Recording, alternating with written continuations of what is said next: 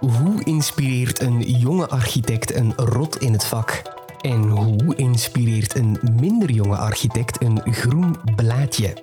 Dit is Groen en Grijs, een podcast van Architectura, waarin we op zoek gaan naar hoe verschillende generaties elkaar kunnen inspireren. Deze podcast wordt mede mogelijk gemaakt door Loxon, een fabrikant van smart home producten. Uw host is Liesbeth Verhulst. Welkom bij de podcast Groen en Grijs. Aan de groene zijde zit bij ons vandaag Kaat Balkaan van Omar Architecten en aan de grijze zijde Matthias Brusselmans van A2D. Welkom allebei. Jullie mogen even jezelf voorstellen en al eens vertellen wat jullie weten over elkaar. Matthias? Goed, ik ben Matthias Brusselmans, architect-bestuurder van A2D Architecten. We zijn gevestigd in Tervuren. We zijn een bureau met ongeveer 25 man, moest dat belangrijk zijn. En ik ben in feite grijs, maar er zijn nog grijzere mannen op ons bureau. Maar, dus ik ben in feite van de tweede generatie partners. Um, voilà, dat is als korte introductie. En wat ik al weet van Kaat, is dat zij ook uh, een jong architect-bestuurder is van Omar. Dat zij heel geïnteresseerd is in de context, de contextualiteit van architectuur. Dat zij ook uh, dus architect is en stedenbouwkundige en de lange omzwervingen, of minder lange, weet ik niet juist, is ze terechtgekomen in een groep omgeving, die dus stedenbouw deed en architectuur. Um, en uiteindelijk is um, zij bestuurder geworden van OMAR, wat in feite de, een afsplitsing is van omgeving en die de architectuur voor zich neemt. Ziezo. Klopt dat, Kaat? Ja, dat klopt. ja. Dus uh, ik ben Kaat Balkaan, um, inderdaad ook bestuurder bij OMAR Architecten. ja, sterk geïnteresseerd in de context. Het is wel vrij belangrijk voor ons. Zal misschien wel later ook nog aan bod komen. Ja, ja. Maar ik ben zelf ook architect en stedenbouwkundige. Ik vind dat ook wel een heel interessante combinatie. Um, ik vind zelf ook dat stedenbouwarchitectuur kan versterken. Verder, wat weet ik al van Matthias, is inderdaad dat hij dus een van de vier bestuurders is van A2, uh, die architecten. Um, dat zij eigenlijk het heel belangrijk vinden om de klant centraal te zetten en dat zij ook wel vrij veel uiteenlopende projecten hebben van heel kleinschalige particuliere projecten tot ook wel de hele grote. En dat ze dat eigenlijk ook een belangrijke symbiose vinden binnenin een bureau, dat dat samengaat. Um, verder vind ik hem ook wel remdenkend. Um, hij beweert uh, koppig te zijn, maar ik denk dat dat eerder kan uh, uitgelegd worden als ja, ambitieus dan. En hij is ook wel bescheiden. Ja. Iets dat jullie delen dan? op verschillende manieren wel, denk ik. Ja. We hebben inderdaad toch wel een paar gelijkenissen, denk ik, eerder dan. Ja, ja. ja die gaan inderdaad ook uh, later in de podcast nog wel aan bod komen. Um, jullie hebben al een aantal dingen aangehaald, hè, maar waaruit halen jullie inspiratie voor jullie projecten? Kaat? Ja, zoals ik het uh, daarnet al had gezegd, halen wij veel inspiratie uit de context. Um, wij denken ook na over wat er dan waar zal gebouwd worden en of er wel moet gebouwd worden. Um, wij durven ook wel de opdracht daardoor in vraag te stellen. We zetten daarbij ook in op duurzame projecten, um, waarbij dat de gebruiker centraal staat. Dat is ook wel heel belangrijk voor ons. En we willen daarbij ook niet bijdragen aan de verdere versnippering, maar we kijken dan meer naar inbreidingsprojecten en het afbouwen van bestaand weefsel. Dus voor ons is de context eigenlijk een inspiratie, maar dat gaat ook wel heel ruimer. Dat is niet enkel de, de fysische context, maar ook de sociaal-maatschappelijke context of de eventuele historische context. En dat is voor ons wel bepalend. Ja, ja. ja bij jullie vertrekken van de gebruiker ook. Hè? Leid ik aan, leid ik af uit jullie website. Ja, inderdaad, de gebruiker. We hebben ons een, een tijd geleden is, uh, afgezonderd en ons afgevraagd, oké, wat, wat, willen we nu doen? Wat is belangrijk voor ons? En een van de dingen was daar uh, de gebruiker, de mens centraal stellen. We hebben dat dan de term de hygge, de gezelligheid, um, genoemd. Uh, het gaat erom dat de mens zich in de omgeving, in de gebouwen die we ontwerpen, zich goed voelt. Dat het een aangenaam verblijf is daar. Dat is belangrijk. Naast die, naast die waarde van Giga hebben, we ook nog um, het respect. En respect breed genomen, zowel voor uh, de wereld, bestaande uit mensen, natuur, cultuur, die drie dingen. Um, dat we daar voldoende respect of rekening mee houden voor een langdurige uh, relatie. En verder um, hebben we ook nog innovatie bestaan. Wij zijn, we hebben de ambitie om onszelf uh, wel in vraag te stellen, altijd te innoveren, heruit te vinden um, op allerlei uh, vlak. Ja, daar hoor ik. En dan een vierde is natuurlijk de schoonheid, maar dat is een problematisch begrip in feite. Architectuur. Uh, wat is goede architectuur? Wat is mooie architectuur? En we merken inderdaad dat uh, verschillende generaties daar een andere kijk op hebben en we moeten daar proberen mee om te gaan. Ja, ja. en toch uh, elkaar proberen daarin te versterken. Ja, ik hoor toch wel wat overeenkomsten in die omschrijving. Gewoon wat anders verwoord eigenlijk. Um, ja, jullie kennen elkaars bureau intussen al, al wat beter. Waar zijn jullie het meest onder de indruk van bij elkaar? Zijn er bepaalde projecten die eruit springen of de manier van werken die jullie aanspreken? Ja, um, zodat er, zoals het net ook al aan bod kwam, um, staat er op hun site ook It's all about people. Er zijn eigenlijk heel veel architecten die dat beweren, dat zij ook zo bouwen, maar dat is ook niet, altijd waar. Ik ben inderdaad ook eens op hun website te kijken naar de projecten en we hebben eigenlijk uh, vrij veel gelijkaardige projecten ook. En als ik dan zo ga kijken, dan lijkt het ook wel dat ze dat echt kunnen inzetten en dat ze echt ook wel voor een gebruiker kunnen ontwerpen. Ik vind het wel belangrijk persoonlijk. Um, wat mij wel inspireert hen ook is, voor, het, voor mij persoonlijk, liggen um, kleinschalige particuliere projecten mij niet echt. Ik heb het eigenlijk meer voor de grotere projecten en zij combineren dat wel binnen in een bureau. Terwijl die wel eigenlijk allemaal andere trajecten hebben en een andere tijdsbesteding verlangen. En dat inspireert me wel hoe dat zij dat wel kunnen combineren en hoe dat zij dat wel belangrijk vinden. Ja. Is dat een bewuste keuze inderdaad, die combinatie, Matthias? Wel, het is voor een stuk zo gegroeid, maar we hebben wel bewust ervoor gekozen om dat aan te houden. Uh, dat geeft inderdaad soms conflicten, die heeft een andere snelheid, andere aandacht. Um, maar we gaan daar wel mee om. We vinden het belangrijk uh, om dat ene inderdaad de andere, of het klein, dit kleine project de grotere project te kunnen inspireren. Uh, het is ook belangrijk voor onszelf om daar waar uh, afwisseling te hebben, maar ook voor de medewerkers, als een keer op een kleiner project kunnen werken of, of instromen en dan uh, met de tijd toch op grotere projecten kunnen, kunnen werken. Dat is een bewuste keuze in elk geval. Ja. ja, je zei, we hebben wel wat gelijkaardige projecten. In welke zin bedoel je dat dan? Of zijn er een aantal voorbeelden van waar je aan dacht? Um, ja, ook gewoon, wij doen ook wel allebei, denk ik, sociale huisvesting, particuliere sector, uh, scholen, uh, projecten van die grote orde. Ja, ja, ja. Um, zij zijn momenteel ook bezig met de langblokken van um, Woonhaven in Antwerpen. Um, ook een heel inspirerend project uiteindelijk, want dat zijn wel uh, vrij bepaalde modernistische gebouwen die ze nu eigenlijk strippen en dan heropbouwen, om het zo te zeggen, naar de hedendaagse norm. En dat zijn zaken dat wij ook wel mee bezig zijn. En ja, het is wel tof om dat dan aan de andere kant te zien bij andere architecten. En waar hebben zij dan aan gedacht? Waar, denken, waar zetten zij op in, in, die zaken eigenlijk? Ja, ja. Zijn er projecten die jou zijn uh, opgevallen? Wel, jaren geleden, ik weet niet hoe lang geleden, maar het kan zijn al vijf of zeven jaar geleden, had ik ooit gehoord van de, de Rinka, een nieuw project uh, van ISO Gent. Een heel duurzaam project. Um, en daar ben ik wel heel benieuwd naar. Ik um, hoor van Kaat dat dat inderdaad nog altijd in de running is en binnenkort wel misschien aangevat wordt. Um, daar ben ik van onder de indruk. En ook een samenwerking met Stefano Boeri vind ik wel leuk. Um, het is wel een interessant architect waar ik mij wel wat ook allee, kritische vragen bij stel. Maar in elk geval is het uh, chapeau dat, uh, dat jullie daarmee samenwerken. Um, en ook een project gerealiseerd hebben in Brussel, uh, in Antwerpen. Sorry. Ja, Palazzo Verde, hè, is dat? Palazzo Verde, ja. ja. ik vind dat leuk dat um, we niet op ons eigen land blijven, maar samenwerkingen aangaan, ook met gerenommeerde architecten en daar uh, inspiratie uit halen en uit leren.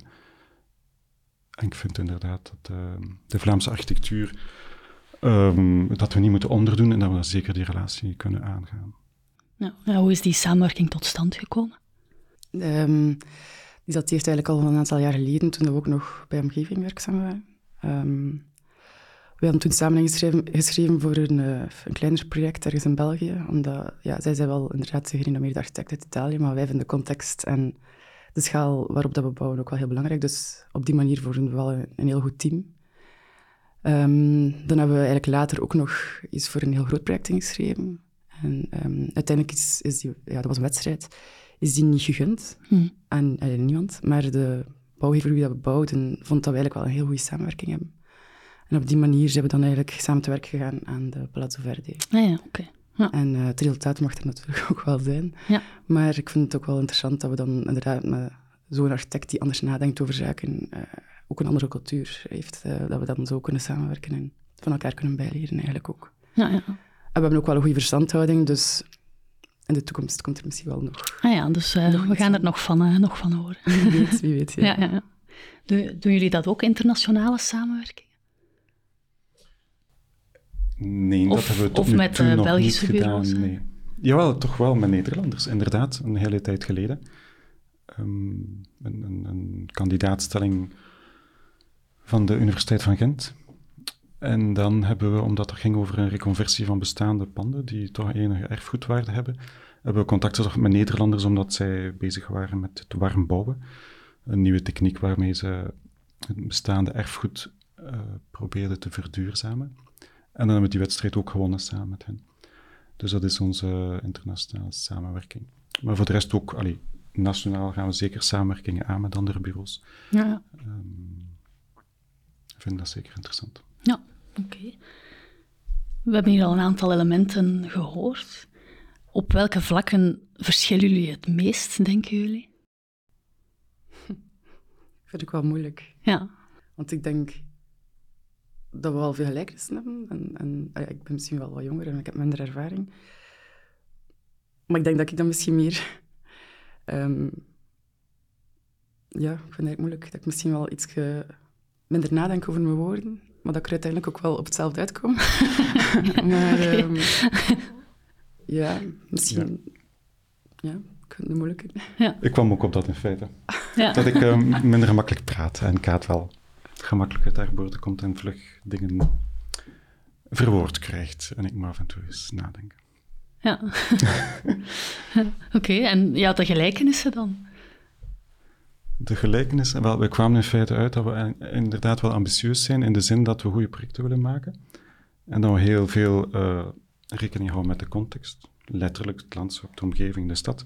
Maar ook figuurlijk in de zin van eh, de sociale context, eh, economisch, weet ik wat allemaal. Dat we allemaal eh, randvoorwaarden samensprokkelen en dan proberen de puzzel te leggen.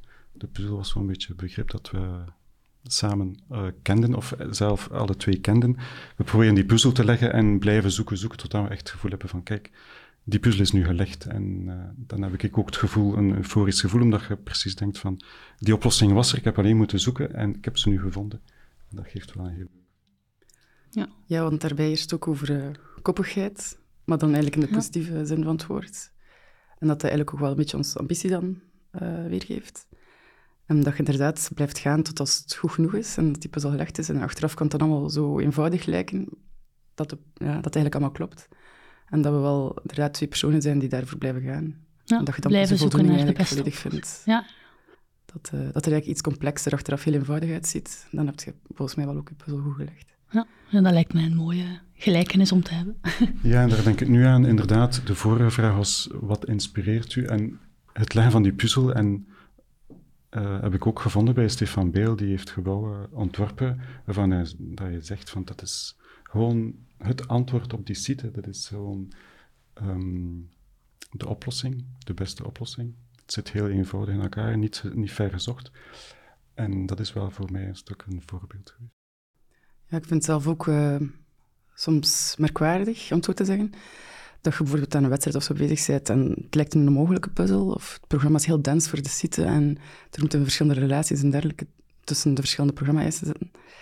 En als je uiteindelijk dan die puzzel legt, denk je, allee, dat is nu zo eenvoudig. Iedereen zal wel op hetzelfde uitkomen. En dan toch heeft iedereen eigenlijk een ander ontwerp. En dat is uiteindelijk ook wel inspirerend. Misschien is dat ook wel iets dat we meer in de toekomst moeten doen, is dat we achteraf elkaar ontwerpen misschien wat uitwisselen of zo.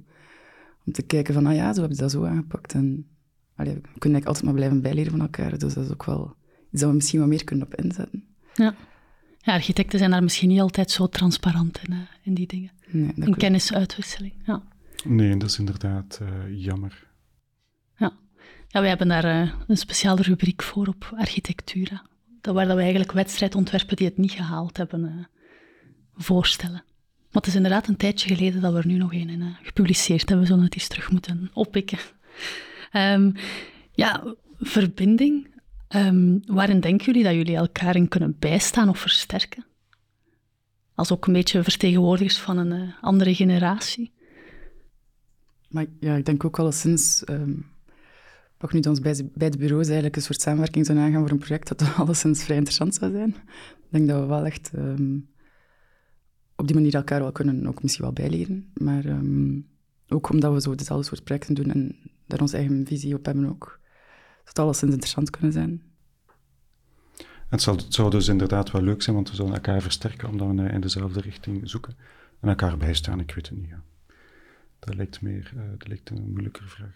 Ja, sowieso kennisdeling. Ik denk dat alle, alle architecten op die manier elkaar kunnen bijstaan. Ja, ja. Ook misschien iets wat niet, niet voldoende gebeurt, misschien, maar... Ja, ja Matthias, ik las ook, las ook inderdaad in jouw voorbereiding dat je zei van ja, verbinders, dat hebben we wel nodig in de architectuursector. Ja, connectors, verbinders. Ehm, en ik denk dat architecten uh, zeker verbinders zijn. We hebben heel veel specialisten die heel mm. goed zijn en ook heel belangrijk zijn om, om in hun vakgebied uh, nieuwe dingen te doen en te ontdekken. Maar uiteindelijk moeten al die specialismes samenvloeien in, in een gebouw in ons geval. En heb die verbinders nodig. En die vernieuwingen uh, op verschillende vlakken moeten ook geconcretiseerd worden. Ik bedoel, nieuwe, nieuwe tendensen, nieuwe evoluties zijn altijd een combinatie van verschillende facetten of verschillende specialismen. En um, dat is belangrijk dat er dan iemand over de grens van zijn eigen vakgebied heen kijkt om mm. verbindingen te leggen, om iets nieuws te, te realiseren. Ja, ja. oké. En jullie kunnen elkaar daarin versterken? Ja, omdat wij alle twee een brede kijk hebben. Ja, oké. Op de dingen. ja, ja, ja. Um, tendensen die jullie merken in de sector bij... bij wacht, ga, dat ga ik nog eens opnieuw doen. Welke tendensen merken jullie bij de andere generatie of in de sector in het algemeen? Zien jullie die dan ook bij de persoon tegenover jullie uh, zich vooruitwendigen? Nieuwe tendensen. Ik, ik ben inderdaad vol ontzag voor de jongere generatie en vol een beetje bezorgdheid ook. Maar met veel respect, omdat zij toch in een wereld komen die um, wat problematisch is, of problematischer dan wanneer wij jong, als jonge architect afstudeerden. Um, dan omwille van het, het klimaatprobleem. De, bij ons was er nog geen vuiltje aan de lucht, letterlijk en figuurlijk. Nu wel, en ze moeten daar hun, hun weg in banen. Voilà. En ik merk ook wel dat jullie daar zeker mee bezig zijn. Voel je dat ook zo aan, dat het uh, nu moeilijker is? Wel, ja, we hebben het er eigenlijk samen ook al uitvoerig ja. over gehad, dat de voorgaande generatie Ehm, waar wij, wij, bijvoorbeeld ook wel naar opkeken, die hadden eigenlijk een soort ambitieniveau geschept. En dat waren dan meer um, ja, kunstenaars of raadgevers, bij mij gaan spreken. En die waren dan misschien meer op handen gedragen door bouwheren en zo ook. En ik denk dat dat vandaag eigenlijk heel ander verhaal wordt. Ik denk dat wij eigenlijk heel hard mogen werken voor wat we doen. Dat wij ook alles moeten kunnen. Dat wij ook... Um, we zijn ook, misschien ook wel raadgever, maar we zijn tegelijkertijd ook onderhandelaar. En we zijn ook... Um, ja, we zijn zoveel. En um, ik denk ook dat we steeds uitgedaagd worden om te zoeken naar besparingen, naar andere oplossingen. En dat het duur ook wel heel ver gaat. En dan ook wel vaak binnen een budget passen, terwijl dat je dan ook tegelijkertijd nog kwalitatief architectuur wil leveren. En ik denk dat dat wel uitdagingen van deze tijd zijn. Ja. En dat wij misschien als dan jonge architecten veel harder ons beste moeten doen of zo. De bouwheren zijn veel eisender. Ja, toch wel. Ja. Um, misschien, ja, ik heb ook niet alle ervaring al en ik kan misschien niet over zoveel jaar terugspreken, maar dan merk ik toch wel dat dat steeds, ja, steeds strenger wordt. Um, ook wat we merken is dat wij... Ja, er zijn altijd al veel architecten geweest, maar bijvoorbeeld wij, van onze grootorde, zijn er al heel wat architectenbureaus. En we gaan eigenlijk ook continu een, eh, een soort competitie met elkaar, mm. omdat wij ook allemaal in dezelfde sector zitten. En vaak worden wij ook eigenlijk op één loon in elkaar uitgespeeld, wat een heel spijtige zaak is, omdat het draait niet meer enkel om goede architectuur. En ik denk dat misschien vroeger wel meer was, van een misschien ouder gevestigde architect misschien al rapper kan bereiken. En um, ja, soms is het ook moeilijk als jong architectenbureau om daar een, een standpunt in, in, te nemen. Ja, ja. ja, heb jij die evolutie gezien inderdaad, Matthias? Ja, maar ik zie in feite vanuit mijn stand, standpunt ook de andere evolutie, zijnde dat um, de klemtoon op architectuur ook altijd toch maar groter wordt. Um, ik, heb ook, ik vind ook dat, uh, dat de kwaliteit van de architectuur die geleverd wordt vandaag, dat die toch wel ontzettend hoog is door alle bureaus. Um, ik vind dat echt uh, chapeau. Dus er wordt daar ook wel op ingezet, daar, daar wordt gevraagd in kandidaatstelling, daar wordt op afgerekend.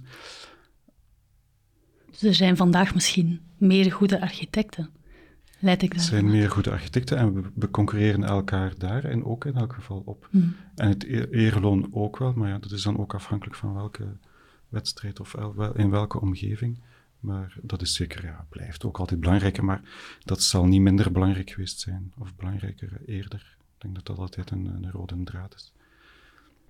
Het concept van eh, een gebouw is niet enkel meer de vormentaal. Eh, Ik weet niet of dat lang geleden eh, ook zo was, maar ik denk dat er eigenlijk heel veel bij komt kijken. En het is nog altijd eigenlijk ook op die manier een soort puzzel dat we moeten leggen. Je moet aan je duurzaamheid denken, je moet aan toekomstgericht bouwen denken, je moet aan, ja, aan, aan heel veel dingen tegelijkertijd denken en toch nog de kwaliteit in je ontwerp steken en toch nog denken over hoe wil ik nu eigenlijk dat het gebouw gaat functioneren of, of gaat in relatie staan met de context dan misschien ook en met de gebruiker. En ik denk dat het taak, takenpakket sorry, eh, wel heel omvattend geworden is ook en tegelijkertijd dan ook omgaan met heel veel andere eh, personen of actoren, ehm, in sommige gevallen overheden of bouwheren. Of...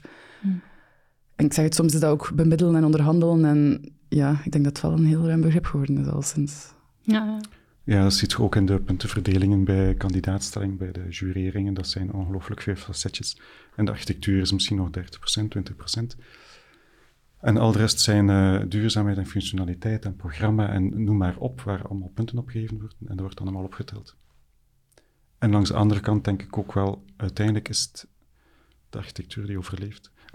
of die overheerst, want ik heb altijd de indruk dat uiteindelijk de, de opdrachtgever kiest voor iets als dat, het, het project dat hen het meeste aanspreekt.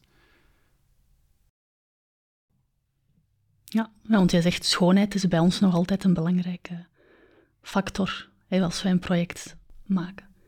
Mhm. Maar dat is dan de vraag, ehm, ja, dat is heel, ja, heel Ja, dat is subjectief natuurlijk. subjectief ja. hè, ja. Of je be- beoordeelt eh, architectuur vanuit uw eh, achtergrond, vanuit uw opleiding, vanuit ehm, wat je zelf belangrijk vindt. En daar kun je heel lang over discussiëren. Ja, dat is waar. Is de schoonheid bij jullie ook eh, belangrijk? Goh, schoonheid is natuurlijk ook voor iedereen iets anders. Ja, en ja. ik denk dat wij proberen inzetten op gepaste architectuur, als ik het misschien zo mag verwoorden. Ik denk niet dat wij een het bureau zijn dat voor de iconische architecturale vormgeving gaat, Mhm. maar dat we eerder kijken van ja, context opnieuw, gebruiker opnieuw, en Ja. dat je daar dan een soort verpakking aan geeft. Ik weet niet wat dat juiste woord is, maar dat eigenlijk een soort gepas, een gepaste vormentaal krijgt en dat ook in relatie staat met alles wat daar rond staat. We kijken bijvoorbeeld ook zelf bij projecten heel vaak naar de, de bestaande context opnieuw, maar ja, dat je daar misschien een soort relatie of een soort ja, engagement mee aangaat en dat je op die manier eigenlijk subtiele elementen toevoegt of dat je dan eigenlijk op een subtiele manier inzet op weelde. En het is ook vaak zo, bijvoorbeeld, we doen ook heel veel sociale huisvesting en je weet ook dat er altijd wel eens bespaard zal moeten worden. Mm. En als je dan eigenlijk slim omgaat met je ontwerp en zorgt dat eigenlijk, als er heel veel bespaard zou worden, dat je project nog altijd heel sterk en heel mooi blijft, om het zo te zeggen. Ja, ja. Dat is voor ons het belangrijkste, dat de, dat de ruimtes goed zijn, dat, dat de, licht, de lichtinval goed is, dat dat project eigenlijk leefbaar blijft en goed blijft en kwalitatief blijft, zonder bijvoorbeeld heel veel detaillering. Dus eigenlijk proberen we op die manier eigenlijk daar slim op in te zetten, op weelde, ja, ja, om het dan zo te zeggen. Eh, Ja. En, Zaken die we wel belangrijk vinden. Ja, ja, en een project toekomstbestendig maken. hè. ja ook. Ja. Want dat is inderdaad ja, een van de uitdagingen natuurlijk, of misschien de uitdaging. Hoe, zien jullie de toekomst tegemoet op vlak van ja, bouwen? Er zijn ook op dat vlak heel veel tendensen hè, rond duurzaamheid, circulair bouwen. Zien jullie andere uitdagingen voor de toekomst, voor het beroep zelf bijvoorbeeld? Dat is wel de grootste uitdaging al. Hoe kunnen, we, hoe kunnen we meegaan? Hoe kunnen we zorgen dat we niet achterlopen? Hoe kunnen we eigenlijk, bij, bij manier van spreken, ook op eh, zo snel mogelijk eigenlijk zoveel mogelijk kennis vergaren om Hmm. dat dan ook te kunnen delen? Ehm, ja, het is eigenlijk ook wel een moeilijke kwestie, omdat ja, we zitten nu ook nog, nu momenteel in een klimaat waarbij dat er heel veel bezorgdheid heerst bij de maatschappij, onder andere over de energie en dergelijke ook. Dus Hmm. we moeten heel rap beginnen schakelen. We waren dat allemaal al aan het doen, maar plots... Ja, nu Is het wel al hands on deck? Ja. Dus ja, dat is zeker een vraagstuk waarmee dat we, dat we momenteel moeten bezig zijn. Dan komt daar ook nog bij... Ja, vroeger was duurzaam bouwen niet meer het duur en bouwen van vandaag ook. Dus we moeten ook wel blijven vernieuwen. Uh, bijvoorbeeld circulair bouwen wordt ook heel belangrijk. Om een duur zal dat wel het gewone bouwen dat moeten worden, maar kun je circulair bouwen al 100% inzetten op alle projecten? Nee. Hoe ver gaat je daarin? Uh, hoe kun je dat bij sommige bouwweren ook aan bod brengen dat dat wel misschien heel belangrijk is om te doen, terwijl dat misschien ook vaak financieel een, andere, eh, een ander verhaal is. Dus misschien moeten wij wel ook meer gaan overtuigen om daar een, al verdere stappen te zetten. Mm -hmm. Dus ja, dat is zeker een uitdaging. Ja, mee eens? Ja, zeker. De uitdaging is inderdaad uh, van heel de maatschappij om een paar transities door te voeren. Uh, we moeten van het systeem veranderen. Geen lineair systeem, maar een circulair systeem. Dat is al, uh, dat weten we voldoende. En de uitdaging is om daar ons steentje in bij te dragen.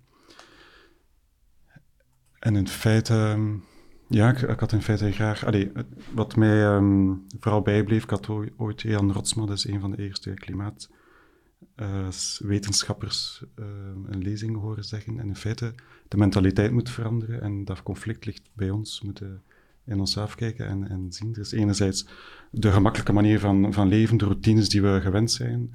Een beetje hebzuchtig, egocentrisch, maar in feite aan de andere kant staan die waarden en we kennen die allemaal. En, en in feite op elk moment, in alle facetten van ons leven, moeten we ons daar uh, vragen bij stellen en de, en de juiste keuzes maken.